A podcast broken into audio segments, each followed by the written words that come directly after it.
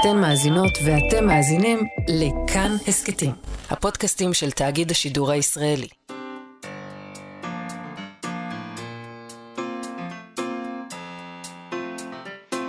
מה שכרוך עם יובל אביבי ומה יעשה לה.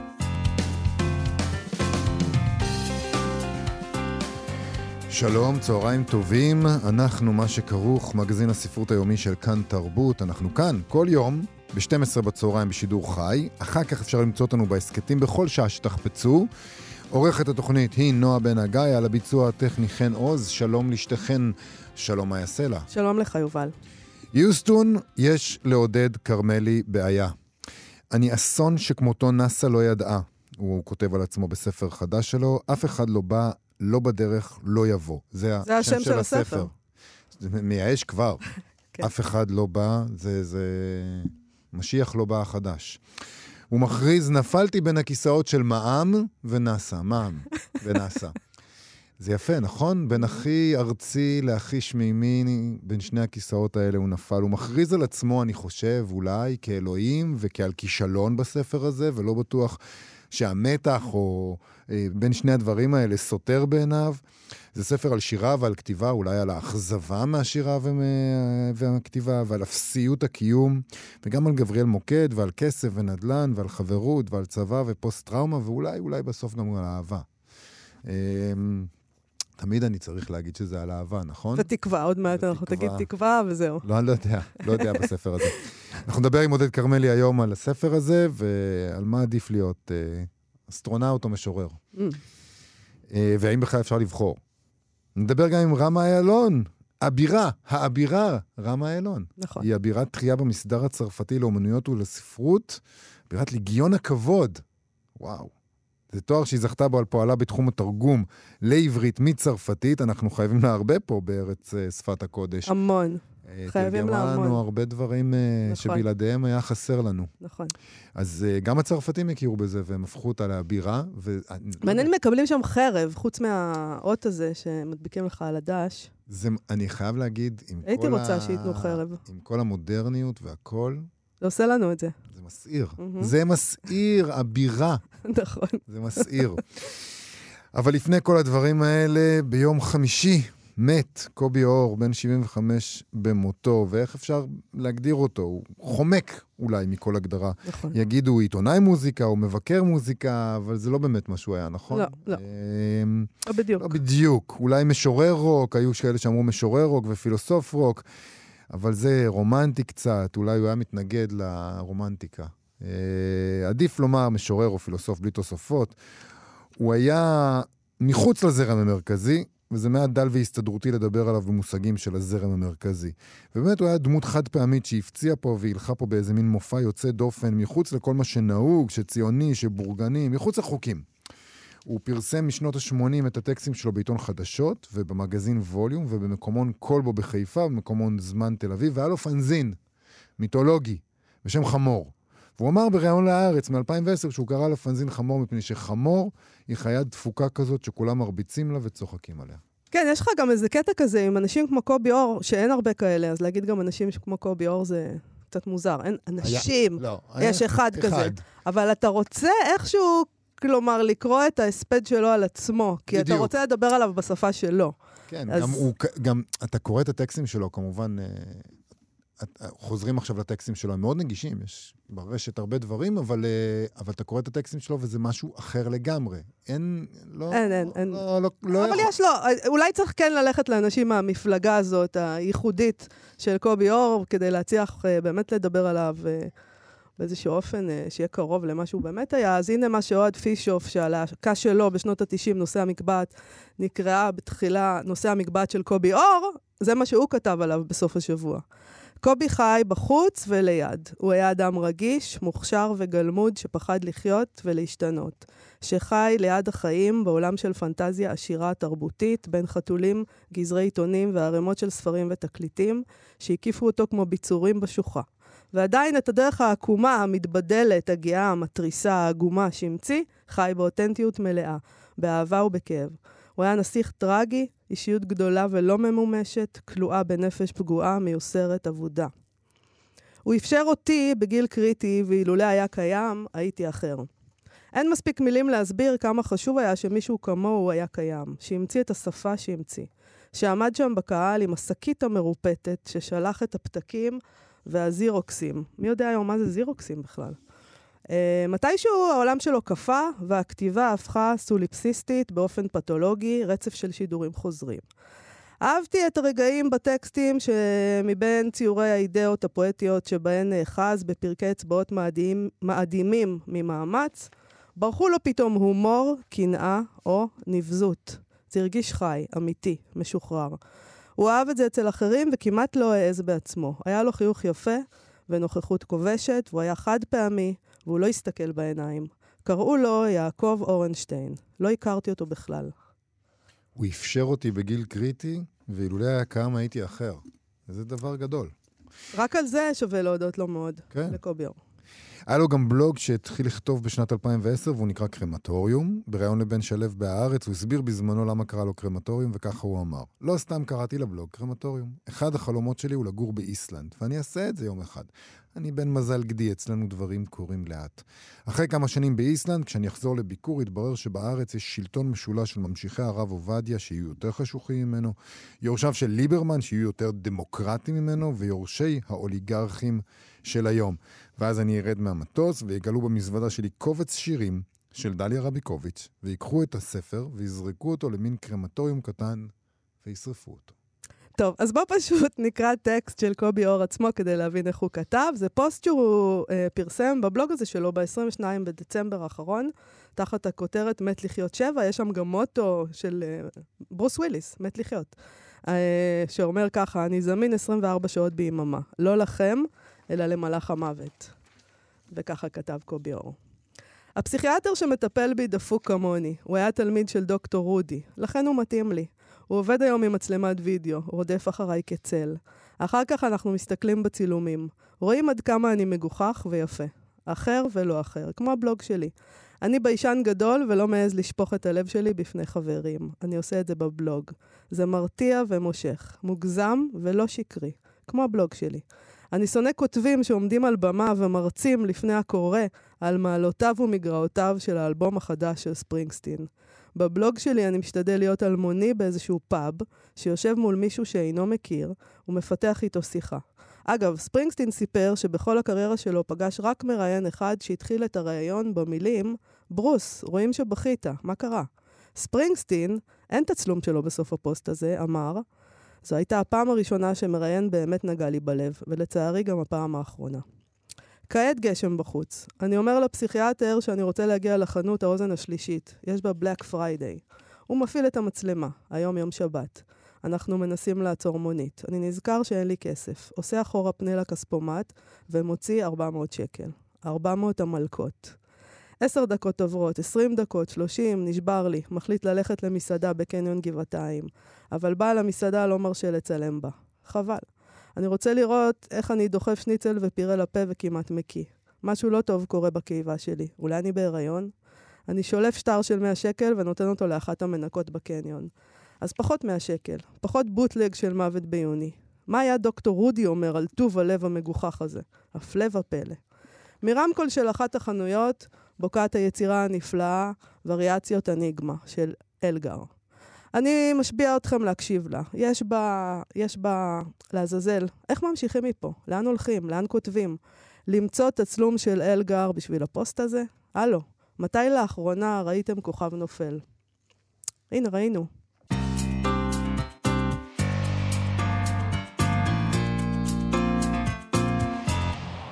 די, בבקשה, אל תדבר ככה על החיים. תגיד מה שתגיד, אבל לא על החיים, לא האלה, לא ככה. יש רימה על לשונך, יש רימה על לשונך בדברך על החיים. רימה בגודל של נחש, בצבע גוף, ואלה הכי ארסיות. בעקלתון וקצן הן מצביעות על עובדות. לכן אני מתחנן בפניך, דבר על ספרות, על פוליטיקה, על מטאפיזיקה, על כל דבר שאין לו דבר וחצי דבר עם החיים. אתה עוד תאיר את החיים מרבצם, אתה שומע? אתה לא יודע? כמה שתדבר על החיים, החיים ידברו עליך. איך שתדבר עליהם, הם ישפטו אותך. כי לחיות זה למסור כלי נשק. ולמסור כלי נשק זה הפעם לא להשליך את החנית לחור השחור. לחיות זה להתפרק מנשק ולהישאב לחור השחור כמו בפעם הראשונה, ולשבת חסר יתרונות לשולחן ארוחת הערב, עדיין על כיסא הילדים וכבר מפורז כמו רודן שהופל, זה לחיות. כפות חפות כפותות בארוחות, בארוחת הערב, כשבחוץ הכל קורה עכשיו, ואין לחלון הזדמנויות להתנפץ. זה לחיות. כי לחיות זה לאסוף את פגיונות החלון המנופץ, ושיצביעו ויגידו לך, זכוכית. זה לקבל יין ולא לשתות לפני שראש השולחן מקלל את הגפן, הגפן שמבקשת לסרג אצבעותיה סביב שבר הזכוכית. שהתינוק הפיל כדי לשסף את גרון החור, ששותה בלי הכרה, ומה נעשה לגבי זה? אלא לירוק אש, רעל, חשמל, קור וחומצה מעכלת על היד המאכילה, במילים שנלמד. ככה כותב עודד כרמלי בספר החדש, אף אחד לא בא, לא בדרך, לא יבוא, שיצא עכשיו בהוצאת אפרסמון, וזה ספר מאוד לא רגיל. אין שום דבר רגיל לא, אין רגיל. בספר הזה. לא. כשפתחתי אותו, אה, ציפיתי לרומן. אתה מצפה לרומן, נכון. אתה מצפה לאיזה משהו מסודר ועם אה, נרטיב, אה, ואתה מתחיל לקרוא אותו כאילו זה ספר רגיל, מנסה להבין מה אתה קורא, פתאום זה שירה, פתאום זה פרוזה. בסוף מתברר שלספר מצורף פח דלק וגפרור, יש מצב שיצאת פה למסע שיש בו אדם שנשרף, אבל הוא משך אותך פנימה לשרפה שלו, והיא גם שלך, השרפה הזו. אה, עודד כרמלי כותב על, בעצם על חוסר האפשרות לחיות. לחיות ככה.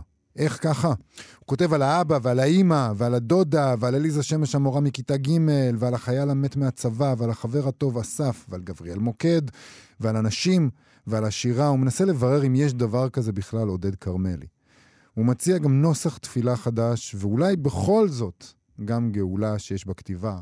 אפשר, נשאל אותו אם יש גאולה בכתיבה. הוא כותב, חבל, היה לי פוטנציאל. היה לי פוטנציאל לא לכתוב את הספר הזה. היה לי פוטנציאל גדול לא להיות בכלל, ולא מימשתי אותו כשמימשתי אותו. כשמימשתי אותי. אותי, סליחה. Mm. עודד כרמלי הוא משורר, הוא הוציא עד היום את ספרי השירה אור שלד, ליקום אין אופוזיציה והחיים לא ראויים לח... לחיים, וסופר שכתב את הספר כלכלת בית, וגורו שכתב את מדריך העזרה העצמית, הכלום מנצח כשאנשים חכמים עושים מדיטציה, והוא כמובן גם מו"ל שעומד מאחורי כתב העת הווה לאבא והוצאת הספרים הווה לאור, ולצד כל אלה, ולא בלי קשר לספר החדש, הוא כתב מדע באתר סוכנות החלל הישראלית ובמקומות נוספים. שלום עודד כרמלי. שלום, שלום. תשמע, מה, יש אה, משהו מחוץ לחוקים לכתוב את מה שכתבת, כמו שכתבת על העולם הפרטי והכללי, מכפר סבא ועד האסטרונאוטים והחלל. משהו, משהו ממש כן, מה יש לך? מחוץ לסדר. מה יש לי? זו שאלה טובה, אני גם מנסה לברר את השאלה הזו בספר. הגעת אה, למסקנות? הבנת? גמרת לכתוב והבנת משהו? אני, אני, האמת, אני, אני רציתי, היה לי משעמם. זאת אומרת, היה לי משעמם מבחינה רוחנית. אה, לא רציתי אה, לכתוב עוד שירים, בטח, בטח שלא לכתוב רומן. אה, רציתי, אולי זה יישמע קצת מוזר, אבל רציתי לכתוב, רציתי לדבר אמת.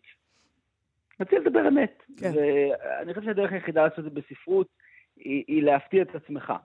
זאת אומרת, היא להרגיש רגשות שלא ידעת שאתה מרגיש, ולנסח תובנות שלא ידעת שיש לך. ויצאתי לאיזו הרפתקה מאוד מאוד משונה. אה, אני יכול אפילו לתת אה, טיפ כתיבה, טיפ כתיבה, סדנה. סדנה, סדנה חינם. כן. יאללה, אה, כולם לפתוח מחברות.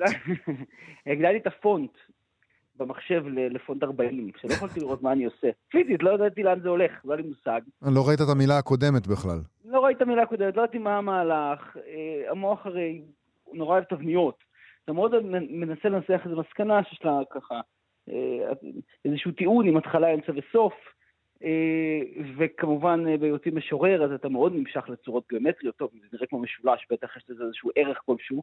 אבל לא, אין לזה ערך. רציתי לכתוב כמו, כמו פסנתרן עיוור, כן, כמו בטהובן חירש כזה. אז פשוט טקטקתי על המחשב, אה, עד כדי נזק פיזי. כמובן עם עזרים כימיים ככל הניתן. ולא ידעתי לאן אני הולך, לא ידעתי- מה אני אומר, מה אני מנסח. אבל בסוף זה, כשגמרת לכתוב, אז מה שאמרת ומה שניסחת זה שורף את האצבעות.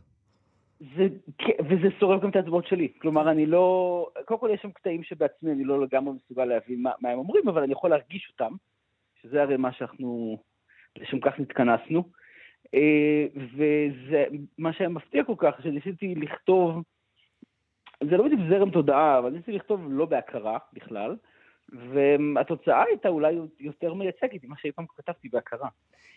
אתה, בעצם יש לך פה מין איזו הצעה כזאת, כלומר, לא רק שאתה כותב את כל הדבר הזה הקשה, אבל יש לך גם הצעה. בדרך כלל לא מציעים לנו הצעות, אבל אתה בעצם מציע התנגדות. לא לחיות את הקטנות הזאת ככה, לא לקבל את כל הדבר הזה. אתה, אתה, אתה ממציא תפילה חדשה. אתה, אתה מציע לנו תפילה חדשה, אולי דת חדשה, אולי אל חדש. אני חושב שאחד ה... המאפיינים שלנו כבני אדם, בטח ובטח כבני אדם שאוהבים, אה, שאוספים בהרבה קולנוע אמריקאי, זה הצורך הזה תמיד, באיזה, זה אפילו לא סוף טוב, תובנה, כן? יש לך את מסע הגיבור, אחר כך אתה יוצא, אתה חכם יותר מכל ההרפתקאות שלך. אה, אנחנו רואים את שטף הממוארים, כן? כל אחד בסוף נהיה לי איזשהו באטמן כתוצאה מהטראומה שלו. ואני רוצה להגיד שאין, אין, אנחנו לא באטמנים. בסוף אין, הדרך היחידה שלך זה או להרכין ראש בפני החיים, ולקבל את העובדה שזה מי שאתה, וזה רק מי שאתה, וכך תהיה לנצח עד יום מותך, או להתנגד לעובדה הזו. להתנגד לא כי אפשר להתנגד אליה, פשוט כי צריך להתנגד אליה, כי זה המעשה שראוי לעשותו. אבל אני לא בטוח uh, שכל הספר אתה מתנגד האמת, אני חייב להגיד. אתה מדבר על זה שבעצם uh, רצית להיות uh, אסטרונאוט, עדיין רוצה להיות אסטרונאוט. עדיין רוצה להיות אסטרונאוט, את, אבל אתה גם מוכיח את עצמך, כן? אתה אומר, אתה חושב שאתה יכול להגיע לחלל, אתה מסריח מוויסקי כל היום. האדם שחלם להגיע לחלל, אבל היה לו רחוק לעבוד ברמת החייל. האדם שביקש להיות אלוהים, אה, והיה גדול עליו משרה מלאה.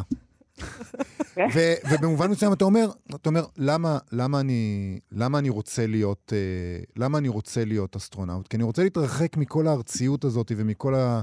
מכל מה שקורה פה על האדמה ומכל הביזיון הקיומי הזה. למה, אי אפשר לשתות וויסקי שם? בחללית? לא הבנתי. אה, פעם אחת הרוסים שתו במיר אחרי שהייתה שריפה, שתו קצת וודקה, אבל בגדול אסור. אה, אחרי השריפה? הייתה שריפה באחד החללים. ואז הם הצליחו להשתלט על זה והם אמרו מה שאנחנו צריכים... אמרו יאללה, קדימה, עושים מהם מסיבה, כאילו, כן. אז פעם אחת היחידה ששתו אה, אלכוהול רציני בחלל. היה כוס יין בירח, אבל זה כבר סיפור אחר. אמ, כן. אבל מצד שני גם אתה מדבר על השירה, אתה אומר, אני לא יכול להיות אסטרונאוט, אז אני אהיה משורר. השירה היא, היא, היא, היא פשרה, זה מה שאתה אומר. ודאי שהיא פשרה, הכל הוא פשרה, כל דבר הוא פשרה. כל דבר הוא פשרה, ואו שאנחנו מודים בזה, או שאנחנו משקרים לעצמנו. ויש נטייה כל הזמן לשקר לעצמנו. אה, הכל הוא פשרה, להיות משורר זה פשרה כמובן, אה, להישאר בכדור הארץ זו פשרה איומה מבחינתי. ונכון שאני רוצה לצאת לחלל כדי להתרחק מהאנושי והארצי ומעצמי. אין, אין, אין שאלה בכלל. אה, אבל אני רוצה לצאת לחלל לא כאסטרונאוט, אני רוצה לצאת לחלל...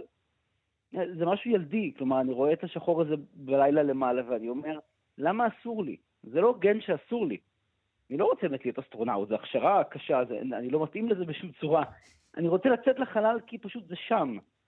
וברגע שאומרים לי שאסור לצאת לחלל, אני עוד יותר רוצה לצאת לחלל. כמו שתגיד לי, טוב, יש פה כפתור אדום, אל תלחץ עליו. ודאי שאני רוצה. אני רוצה כי אני רוצה, כי, כי הרצון, זאת אומרת, הרצון הוא הדבר היחיד שעומד בינינו ובין איזו כניעה מוחלטת, אז לפחות לא לוותר עליו. תגיד, מתי אתה הבנת שאף אחד לא בא לא בדרך ולא יבוא? אמ, בספר, טוב, אני חושב שזה... בספר זה בצבא. כן, כן, אה, בתקרית באמת עם, אה, היה לי איזשהו חייל שהתאבד וטיפלתי בו. אה, ומאחר שהייתי הסמכות הרפואית העליונה, כמה זה שם מצחיק, אז ראיתי כל מיני, בהתחלה קצינים, אחר כך יותר ויותר גנרלים, ופשוט עומדים שם ובוהים בי, כן, בחובש, עכשיו אמור לטפל בחייל. וההבנה הזאת שעזרה לו בדרך. אף אחד לא בא. כן. זה מבחינתי, זאת אומרת, היה איזה רגע שבו הבנתי עד כמה אנחנו באמת מופקרים לגורלנו. כולל המשפחה וכולל החברים הכי טובים. כן, כן, כן, בהחלט. כולנו מופקרים לגורלנו. עכשיו, כמובן, יונה וולך אומרת, ובצדק, יש תמיד משהו עצוב בספ... בספרות. כן, ספרות תמיד קצת עצובה. אז במקרה הזה היא, היא מאוד עצובה, והיא גם מאוד פרועה ומתפרעת.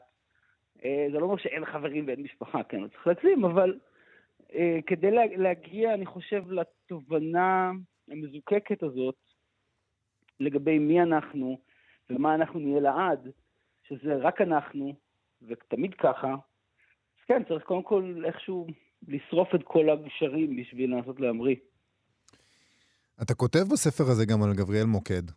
אה, האדם המורד זיק של מפץ גדול בעיניים, ככה אתה כותב עליו, אבל מצד שני אתה אומר על עצמך, אלוהים, בשביל מה שלחתי לו שירים בגיל 16? זאת אומרת, אני, כאילו... כן, אולי אם לא היית פוגש אותו. היית אסטרונאוט? רופא? רופא. למה אתם, כאילו, בואו, רופא. לא, אבל, אבל, אה, ילד מכפר סבא, נכון, אסטרונאוט. ילד טוב, ילד טוב כפר ילד סבא. טוב כפר סבא. אבל, אה, אבל עשה עבורך דבר גדול. אני ועכשיו- לא יודע, האם הוא עשה עבורי- דבר גדול? זאת אומרת, האם באמת אנחנו יכולים לעשות, לנהל את השיחה האמפירית הזאת? להגיד מה מה היה קורה אילו? אנחנו כן. לא יכולים. אז אתה יכול, שוב, אני חושב שאפשר תמיד לבוא ולהסתכל אחורה על החיים, להשקיף עליהם, ולהגיד, "אה, איזה יופי, תראו איזה מסע עברתי, איך, איך בגרתי, איך התפתחתי כבן אדם, ואני בדיוק במקום שבו אני צריך להיות, אבל זה שקר. זה פשוט שקר, שקר אנחנו מספרים לעצמנו כל הזמן. אני כל הזמן חושב מה היה קורה אילו. מה יכול להיות אחרת? מה הייתי יכול להיות אחרת? מי הייתי יכול להיות אחרת? בעיניי, זאת אומרת, זה, זה האלמנט, זה יסוד העצב בעולם, ואסור להכחיש אותו. אסור להכחיש אותו. צריך לשים אותו על השולחן ולהגיד, כן, אני לא יודע מה יכול להיות. נראה לי שיכול להיות שעדיף להדחיק, אבל אתה לא חושב? אה, ביומיום כן, אחרת אי אוקיי. אפשר להתנהל, אבל בספרות לא. לא, בספרות לא. אנחנו צריכים לדבר, להגיד את האמת הזאת. אחת העצות שאתה נותן פה, סליחה שאני קוראת לזה עצות. כן. אוקיי? זה לא ספר עזרה עצמית, אני אני חושב. זה קראתי לא, את זה כמו ספר עזרה כן. עצמית, אני מצטערת. אוקיי, אז אה, זה לאגור כמה שיותר דלק. בואי נדבר על דלק סילוני. הידרוזין. הידרוזין, כן. אה, כן, רק דלק. כל השאר באמת זה הסחת דעת גמורה. רק דלק. אם אתה רוצה לצאת מכדור הארץ, אם אתה רוצה להתגלגל לצורתך הראויה כאל, אך ורק דלק. כל השאר זה באמת אה, שטויות. הנקודות היחידות במשחק החיים זה דלק. ופתאום חשבתי, הייתה לי איזו מחשבה מוזרה כזו, אמרתי, אם כל שנה הייתי אוגר את הדלק בצד, הייתי עכשיו יכול לבוא לספייסקס ולהגיד, תקשיבו, יש לי את הדלק. בואו, תטיסו אותי כבר. במקום זה, אתה חושב, אתה הולך לקנות סביח, אתה מתחיל עם בחורה, טעות, הכל טעות. היה מיותר. אה, אני לא- אני לא בטוח בקשר לזה, אבל בסדר. אה, אה, לגבי הסביח או לגבי הבחורות? הוא לא קרא את זה כספר עזרה עצמית. לא, אני, לא, לא, אני, אתה יודע, מאיה ואני, יש לנו, אני תמיד מחפש תקווה. אה, ואתה יודע משהו, בוא נדבר על זה, נחשוף בפני המאזינים, שוב, אי הסכמות או, אה, כן. בין מאיה לביני. אה, בקריאה שלי היה הבדל מאוד מאוד חזק בין התוכן לצורה. התוכן הוא מאוד מלנכולי, אפשר לומר, והוא מיואש. אולי אני אפילו לא רואה בו את התקווה המועטה שמאיה רואה בתוכן, עם האפשרות הזאת להסתכל על החיים הקטנים. לא, ולהגיד- כי אני יכולה לקנות דלק, אז כאילו, יש פה תקווה. לגמרי, לגמרי. אוקיי. מצד שני, בצורה, בדרך שבה כתב, כתבת, בצורה שוצפת, והיה בזה משהו מלא חיים בזרימה של, ה, של, ה, של הספר. לא הייתי אומר עולץ, אבל הייתי אומר מלא חיים. ואנחנו ככה קצת התווכחנו על זה. האם הצורה מלאת חיים, או לא מלאת חיים, קצת יש בחיים לעומת המלנכוליה, או שהצורה והתוכן אה, יותר קרובות אה, ממה שאני אומר עכשיו? אה, אני לא חושב שיש סתירה, כלומר, כולנו בימים אלה, או רובנו בימים אלה, הולכים להפגנות. בהפגנה יש משהו משמח, אתה פוגש חברים, אתה מרגיש חלק ממשהו גדול ממך, במקביל אתה יודע שזה לא יעזור, כן? אה, אתה מקלה את זמנך. אז, אז כאן יש לי איזושהי הפגנה פנימית, מחאה מטאפיזית נגד אלוהים, מחאה מטאפיזית נגד היקום, בשבתו כיקום, כי זה לא הוגן שהוא יקום ואני כרמלי. זה לא הוגן. אז אני יכול למחות על זה, ואני לא יודע גם מה יותר קשה לבטל את ההפיכה המשפטית או את היקום כיקום, אבל אלה שתי משימות שאנחנו כנראה ההפגנה לא תעזור. ועדיין אנחנו יכולים להפגין, כי, כי אחרת מה נעשה? זאת אומרת, זה מחזיר אותי לנקודה הקודמת שלי של חייבים לפחות להביע את ההתנגדות הזאת. זה כמו שאנחנו אומרים עכשיו לעצמנו, טוב, מה, נשאר בבית? גם אם זה לא יעזור, אני רוצה לדעת שניסיתי, שעשיתי משהו, שבאתי את מחאתי. אני מביע את מחאתי המטאפיזית כך. זה מה שאני עושה, בידיעה שהיא לא, לכן, זאת אומרת, לכן הצורה, הצורה יש בה משהו של, של הפנינג, כן? של איזה מסיבת הפגנה אחת גדולה. אבל אה, במקביל, המוח יודע, השכל תופס שזה לא יעזור. המסיב, מסיבת המחאה המטאפיזית של עודד כרמלי, ככה... כותרת טובה. כן? לפעמים כן, יוצא לי. לא- אני אשתמש בזה להשקה אולי. אף אחד לא בא, לא בדרך, לא יבוא. עודד כרמלי, הוצאת אפרסמון, תודה רבה לך על השיחה הזאת. תודה לכם. להתראות. עכשיו, שפה אחת ודברים אחדים. מה שכרוך בכאן תרבות, חזרנו עם פינת התרגום שלנו, שפה אחת ודברים אחדים. אנחנו היום עם רמה איילון, אני מתרגשת. היא קיבלה ש... בשבוע שעבר תואר אבירת ליגיון הכבוד לספרות ולאומנויות של צרפת, היא הבירה. רמה איילון היא מתרגמת מצרפתית, גם מאיטלקית ומאנגלית פה ושם, אבל מצרפתית, בואו נתמקד בצרפתית היום. אה, ב-20 שנות הקריירה שלה היא תרגמה יותר מ-90 ספרים. למשל, מישל וולבק, רומן גרי, גידה מופסן, לילה סלימני, המון, יש רשימה ענקית. אה, היא מצטרפת אה, גם לחבריה האבירים הישראלים במסדר האומנויות והספרות הצרפתי. מעניין אם יש להם מפגשים שנתיים כאלה, עם שולחן בישראל? עץ כזה עגול. בדמיון שלי כן, ואת לא ברור. מאמינה מה מחליטים שם. מה מחליטים שם? הכל. אוקיי. אז הם אלה שמחליטים הכל. בדיוק. ממשלת, אה? הולכים על אה, בית המשפט העליון, אתם לא מבינים. אוקיי, אז הנה עוד אנשים שם בשולחן, סתם שנדע, אדגר קרץ, רויה שלו, עמוס עוז, דוד גרוסמן, דורי מנור מהספרות, יש גם סיגלית לנדו ואוהד נהרין ויוסי בנאי. שלום רמה איילון. שלום, שלום. ברכות לבביות. תודה רבה. תגידי, תודה. זה, איך זה, מקבלים חרב שם? אני רוצה חרב. מקבלים מדליה מאוד יפה שאחותי שהייתה פנקיסטית ישר, אה, ישר חמדה אותה כי יש בה משהו גותי כזה. היא החוצפה. מאוד יפה. מה זה לחמוד אותה? צריך לעבוד בשביל המדליה. נכון? כן, אבל אולי אני אשאילה אותה מדי פעם. למסיבות אה, יוצאות דופן. אני לפני הכל, אני רוצה, לומר, אה, אני רוצה להציע לכם שורת, מ- לכם שורת מחץ לפודקאסט. בבקשה. כפר סבא על המפה, זאת התוכנית של היום. את גם מכפר סבא, אני אנחנו גם שמנו מכפר לב. סבא. נכון, נכון. משהו קורה שם, משהו טוב? במים שם. לגמרי, כן. אסטרונאוטים ואבירים. כן. אני רוצה איתך, אני אה, הכרזתי לאחרונה, בוא נגלה פה, שכל ספר שרמה איילון אה, מתרגמת, אה, כדאי לקרוא. זה מעניין אותי, אני עומדת מאוד מאחוריה. ריגש אותי, אני חייבת לומר, מאוד מאוד. אני, אני, אני רוצה לשאול אותך, איך את בוחרת את הספרים? איך זה קורה? אמ, אני קוראת הרבה כתבי יד, וגם מציעים לי, זאת אומרת, זה, זה בעצם בש, בשתי החזיתות האלה. מציעים לי ספרים, וכשאני אוהבת אותם, כשאני כבר מכירה את הסופרים, את הסופרות, אז כמובן זו תשובה חיובית מיידית. לפעמים אני מנסה וזה לא ממש הטעם שלי, אה, ולפעמים זה, אלה ספרים שאני, שאני מציעה למו"לים, למו"ליות בעיקר, אה, מתוך אה, היכרות, ובאמת הרבה הרבה קריאה. שולחים לי מהוצאות, ההוצאות עצמן שולחים לי לפעמים יש, ישירות מההוצאות הצרפתיות. אמ, ויש כאלה שאת מאחורי אומרת, הקלעים, יש כאלה שעות שאת. מסרבת, את קוראת ואומרת לא, לא? כן, לא, לא, לא, לא, לא, לא, לא אגיד הרבה, זה, יש, יש, יש, יש, אני, אה, אני חושבת שמה שהכי, מה שאני הכי סומכת עליו בעבודה שלי ובקריאה זה האינטואיציה. אמ, אני לא תמיד יודעת לדבר כל כך טוב, לנתח את הדברים, אבל אני מאוד מרגישה אותם מבפנים, ואני מרגישה את ה... אני מרגישה אם זה ספר טוב בשבילי. אה, אני לא, לפעמים אני אומרת, קרה שגם אמרתי, שגם, שגם אמרתי למו"לים, אה, אה, תראו, יכול להיות שזה ספר שהתחבב על קוראים רבים, יכול להיות שזה ספר שיש בו איזה ברק, שהוא, אבל אליי ספציפית הוא לא מדבר, ואז אני לא אתרגם אותו. אז לרוב הן מתח- מתחשבות בדעתי, כי נוצרו באמת קשרים, קשרי אמון מאוד חזקים ומאוד נעימים, אבל, אבל לפעמים לא, וזה בסדר גמור כמובן. אבל, אני אה, משתדלת מאוד לשמור על, על לשמור, כדי פס- פשוט לתת לעצמי גם את הזמן המענג הזה אחר כך, לעבוד עליהם. אבל זה מתחשבים בדעתך, מתחשבות בדעתך גם בכיוון השני, כשאת באה עם ספר. כן. כשאת באה עם ספר ואומרת, זה צריך להיות מתורגם לעברית, ואז הם... אה, בוודאי, כן, אה, ז'אן פול דובואה, שראה אור עכשיו אצל אה, קיבוץ המאוחד. זה ספר שקראתי ב- ביומיים והתאהבתי בו, כנ"ל לגבי אנומליה שקדם לו, הגונקור בעצם שבא אחריו וקדם לו בפרסום. חודש הבא או בעוד חודשיים יצא לאור עוד רומן קטן ויפהפה של מרגרית דורס בספריית רות המק- המקסימה.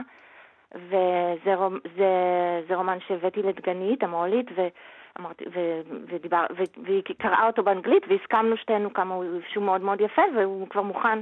אז כן, אז ככה זה גם מתרחש.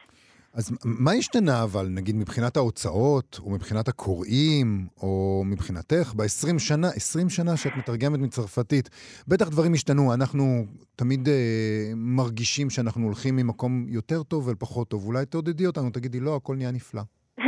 במישור הסובייקטיבי שלי, הכל נהיה יותר, אה, נהיה יותר טוב. אבל זה, זה ברור, כיוון שהשנים חולפות, אני אפילו לא שמתי לב, והנה 20, והנה מעל 90 ספרים, זה באמת דברים שדי מפתיעים אותי, אני חייבת לומר, כל ההתרחשות הזו בשבוע, שבועיים האחרונים, היא מאוד, אה, היא קצת נפלה עליי, כי, כי, כי אני, אני באמת אה, עובדת פה בשקט ומשתדלת לעשות רק את זה, פחות או יותר. אבל אה, מה שקרה הוא שאימא. למרות שאם אני מסתכלת אחורנית לרשימה שלי, אני באמת אוהבת את רובם המוחלט של הספרים, יש מעטים מאוד שאני פחות, שאני אולי לא הייתי מתרגמת בדיעבד, אבל מה שהשתנה הוא שיותר, כלומר זה כבר התחיל די מזמן, אבל שמקשיבים לי, שמכבדים את הדעות שלי, וזה באמת מאפשר לי איזו אוטונומיה בעבודה, איזה חופש, בחירה. אה, אבל מחו, מחו, בעולם החיצון, אה, אתם מדברים על זה, אתם מדברים על זה לא מעט בתוכנית, אז הדברים לא כל כך, לא כל כך אופטימיים. השוק מצטמצם, יש הרבה ספרים לאו דווקא טובים, יש, יש טובים, אבל הם לפעמים נבלעים בתוך השצף הזה, ואז אז אני מנסה כי אני מנסה באמת להביא את הספרות הטובה, לאו דווקא עכשווית, אה, גם קלאסית, אה, גם ספרות של המאה ה-20, ספרות גם אפילו של המאה ה-19, אבל אני לא יודעת, אני, זאת אומרת, יש גרעין קשה של, של קוראים, של מטיבי קרוא, ואני, ואני, ו, ו, והם שם, וזה ברור, והם לא הולכים לשום מקום, אבל הם... הם מעטים מדי אולי למה שהיינו רוצים, כן, אנחנו יודעים את זה. כן, מעטים מול רבים. על מה, רמה, על מה את עובדת עכשיו? את יכולה לגלות? כן, אני עובדת על רומן מהמם, פשוט אחד היפים שגם שקראתי והתאהבתי בו, ומאיה פלדמן שלחה לי את כתב היד הזה לפני, אני לא יודעת, למעלה משנה אני חושבת, אה, הוא ועוד כמה אחרים נוספים, וקראתי אותו, ופשוט זה קרה לי משהו שזה באמת סיבה לקום בבוקר. זו סופרת צעירה, היא כתבה אותו בגיל 21, רומן ביקורים, שמה אביגיל עשור, היא אה, אה, סופרת יהודיה מרוקאית שעזבה את קזבלנקה לפריז לצורך לימודים בגיל 19, אני חושבת 18, והיא פשוט כתבה רומן נפלא, שהגיבורה שלו היא נערה צרפתייה בקזבלנקה, שצריכה לשרוד את דרכה.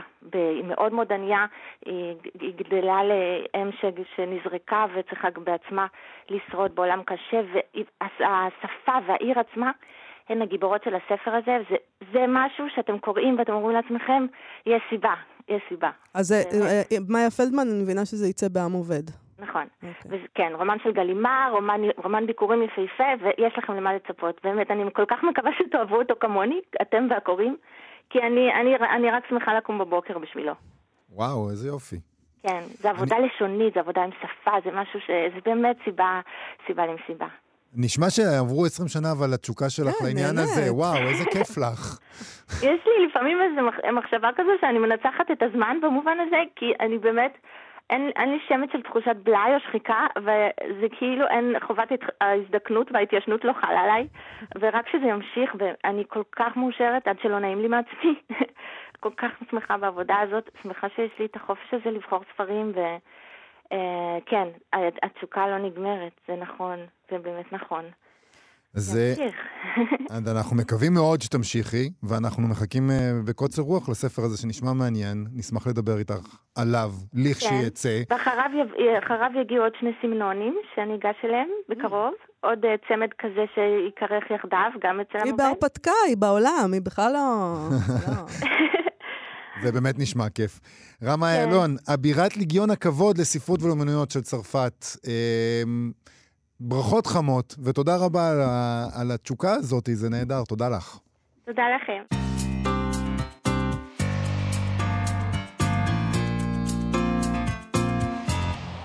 אנחנו מה שכרוך, בכאן תרבות, חזרנו, ואנחנו עם פינת הסטטוס היומי שלנו. אנחנו מתחילים, נתחיל בציוץ, נעבור לסטטוס, זה יהיה מסעיר. Mm-hmm. כל הפלטפורמות פרוסות לרגלינו. בסטטוס היומי אנחנו נדבר קודם כל על ציוץ של uh, המו"ל של הוצאת סלע מאיר, רותם סלע, הוא מפרסם בטוויטר שבהוצאה שלו עומדים לצאת הספר השנוי במחלוקת, עומד לצאת הספר השנוי במחלוקת, נזק בלתי הפיך של אביגיל שרייר, שכותרת המשנה שלו היא... The Transgender Craze Seducing Our Daughters. הטירוף הטרנסג'נדרי שמפתה את בנותינו. אולי. אולי. תכף נראה במטרת הציוץ שלו. כן. זה ספר שעוסק, למי שלא הבין מכותרת המשנה באנגלית, בילדים טרנסג'נדרים, וטוען בגדול שזה הלך הרוח הציבורי הפרוגרסיבי, הטרלול הפרוגרסיבי, mm-hmm. שגורם לילדים ולילדות האלה להיות טרנסים וטרנסיות, ולא נטייתם המולדת. זאת אומרת, בעצם הם רצו להיות... הם רצו, הם, הם, הם רגילים. הם רגילים לגמרי, נכון? ואנחנו דחפנו אותם דחפנו לנטייה אותם. הזאת בגיל תשע. כן. עם הפרוגרסיה, הפרוגרסיביות המטופשת שלנו. ו... הוא מבקש את עזרת הציבור. כך הוא כותב. עזרתכם נדרשת. במאי הקרוב יצא בעברית נזק בלתי הפיך מהספרים החשובים של השנים האחרונות. איזה כותרת משנה הייתם מעניקים לו? כלומר, איך הייתם מתרגמים את המשפט Transgender Craze Seducing Our Daughters? ואז הוא מציע, יש לו ארבע חלופות. Mm-hmm. הראשונה היא, כיצד טירוף הטרנסג'נדרים פוגע בבנותינו? אגב, ש... זה נורא מעניין שהם בחרו שם אה, דווקא את בנותינו, כן. ולא את בנינו. תמיד יש את העניין הזה עם הבנות. כאילו, בוא נשמור על הבנות. שם, שם לב? אני כאילו. לא יודע, אני חושב ש... כאילו, למה זה, מה, יש טרנסים ויש טרנסיות, מה, מה הכוח הדחוף להם לדבר על הבנות? כי הבנות אני... זה החוליה החלשה, בוא נגן עליהם. אני מודה שלא קראתי את הספר, אני מקווה שבתוך הספר הם לפחות לא מפלים בין בנים לבנות. זה מה שאתה מקווה. זה המינימום שאדם יכול... זה המינימום, נכון. טוב, ההצעה השנייה שלו זה מתגברות בשבי השיגעון הטרנסי. מתגברות בשבי השיגעון הטרנסי, שזה רצות עם זאבות החדש, כאילו. כן. והצעה שלישית, כיצד שיגעון הטרנסג'נדרים הורס לנערות את החיים. וארבע, אחר. Mm. נותן את זה לכם, תתרגמו, תציעו לו כן, הצעות כן. בחינם. Uh, הציבור נענה, אגב, משני קצוות המפה. את רוב, כמו שקורה בטוויטר, את רוב התגובות אי אפשר לקרוא ברדיו, אני גם לא רוצה, uh, אבל למשל אורי קול כתב שם, uh, הציע שם את האפשרות כיצד לייבא להטופו... להט... יאללה. להטבופוביה לארץ? סליחה. לא הצלחתי לקרוא את זה. אין, הפרוגרס דופק אתכם, אין מה להגיד. כיצד לייבא להטובופוביה לארץ, mm-hmm. ומהצד השני גולש בשם בנימין כתב 11 מחקרים להתווכח עם טרנסים ולכסח להם את הצורה. כן. טוב, עיתונאית הארץ יוהנה גונן כתבה בתגובה בפייסבוק אה, משהו שאנחנו נקרא עכשיו, בסדר? עזרתכן נדרשת. אתמול ההוצאה המביכה סלע מאיר מתעתד לפרסם בקרוב את הספר נזק בלתי הפיך, ספר עיון במרכאות, גדוש בשגיאות ובשקרים וכמעט נטול מקורות, שביקורת אחת תיארה אותו כפאניקה מגדרית בשיאה, כאורה להפליא ופולשנית לגופם של גברים טרנסים ואף של נשים סיסג'נדריות. איזו כותרת הייתם מעניקים לאובססיה האלימה של שמרנים במרכאות ביחס לטרנסים ולטרנסיות? יוהנה גונן מציעה כמה אפשרויות. אחת. כיצד הטירוף הטרנספובי פוגע בילדות ובילדים ולמעשה בחברה האנושית כולה? שתיים. מתבגרות ומתבגרים בשבי אנשים מטורללים שלא אכפת להם לגרום נזקים כבדים לגוף ולנפש בשם אידיאולוגיה תמוהה ומסוכנת שהם העתיקו מאמריקה. שלוש. מדוע אנשים בוגרים משוקעים באופן כל כך אובססיבי ברדיפת ילדות וילדים? זה קצת מדאיג. 4. איך למכור ספרים ולהרוויח כסף בעזרת קשקושים חסרי ביסוס וליבוי שנאה, תוך רמיסת מיעוטים נרדפים שממילא סובלים מאלימות ומאפליה? 5. אמרתי לכם שרק טרנספובים כותבים טרנסים עם א', 6, אחר, אבל בלי שלוש נקודות. זה לא יומן של נערה מתבגרת. צריך להגיד שבאחר של uh, רותם סלע היה שלוש היה שם שלוש נקודות. שזה באמת פוגעני, השלוש נקודות הזה. Uh, נכ... אגב, טרנסים עם א' זה המוזיקה, רק שתדעו. Mm-hmm. טרנסים עם א' זה המוזיקה, טרנסים בלי א' זה בני אדם. הנה, ככה שתדעו. ככה תדעו להבדיל בין זה לזה. טוב, אה, יובל, עם הדבר הזה אנחנו מסיימים. נכון. אה, תחשבו על זה בבית, כן? אני, אה, אני חושב, תשמעי, אני חושב אולי, באמת, אולי... אולי צריך לקרוא את הספר הזה כדי לדעת איך uh, להתמודד איתו. באמת? אה, זה מה שאתה חושב? אני למשל חושבת שאני לעולם לא אקרא את הספר הזה. אני חושב שאני... אתה חושב שאתה תקרא את הספר הזה? לא, לא, לא, יש אני לא דברים. זאת אומרת, כאילו, אתה יודע, אני לא רוצה להעליב אף אחד, אבל יש לי ערימה גדולה של ספרים לקרוא, וזה לא יהיה אחד מהספרים האלה שאני רוצה לקרוא. אז uh, עד כאן תוכניתנו להיום. עורכת התוכנית הזאת היא נועה בן הגיא. על הביצוע הטכני חן עוז, תודה לכן. בואו לבקר בעמוד הפייסבוק שלנו, uh, אנחנו נהיה פה שוב מחר. להתראות. להתראות. אתן מאזינות ואתם מאזינים לכאן הסכתים, הפודקאסטים של תאגיד השידור הישראלי.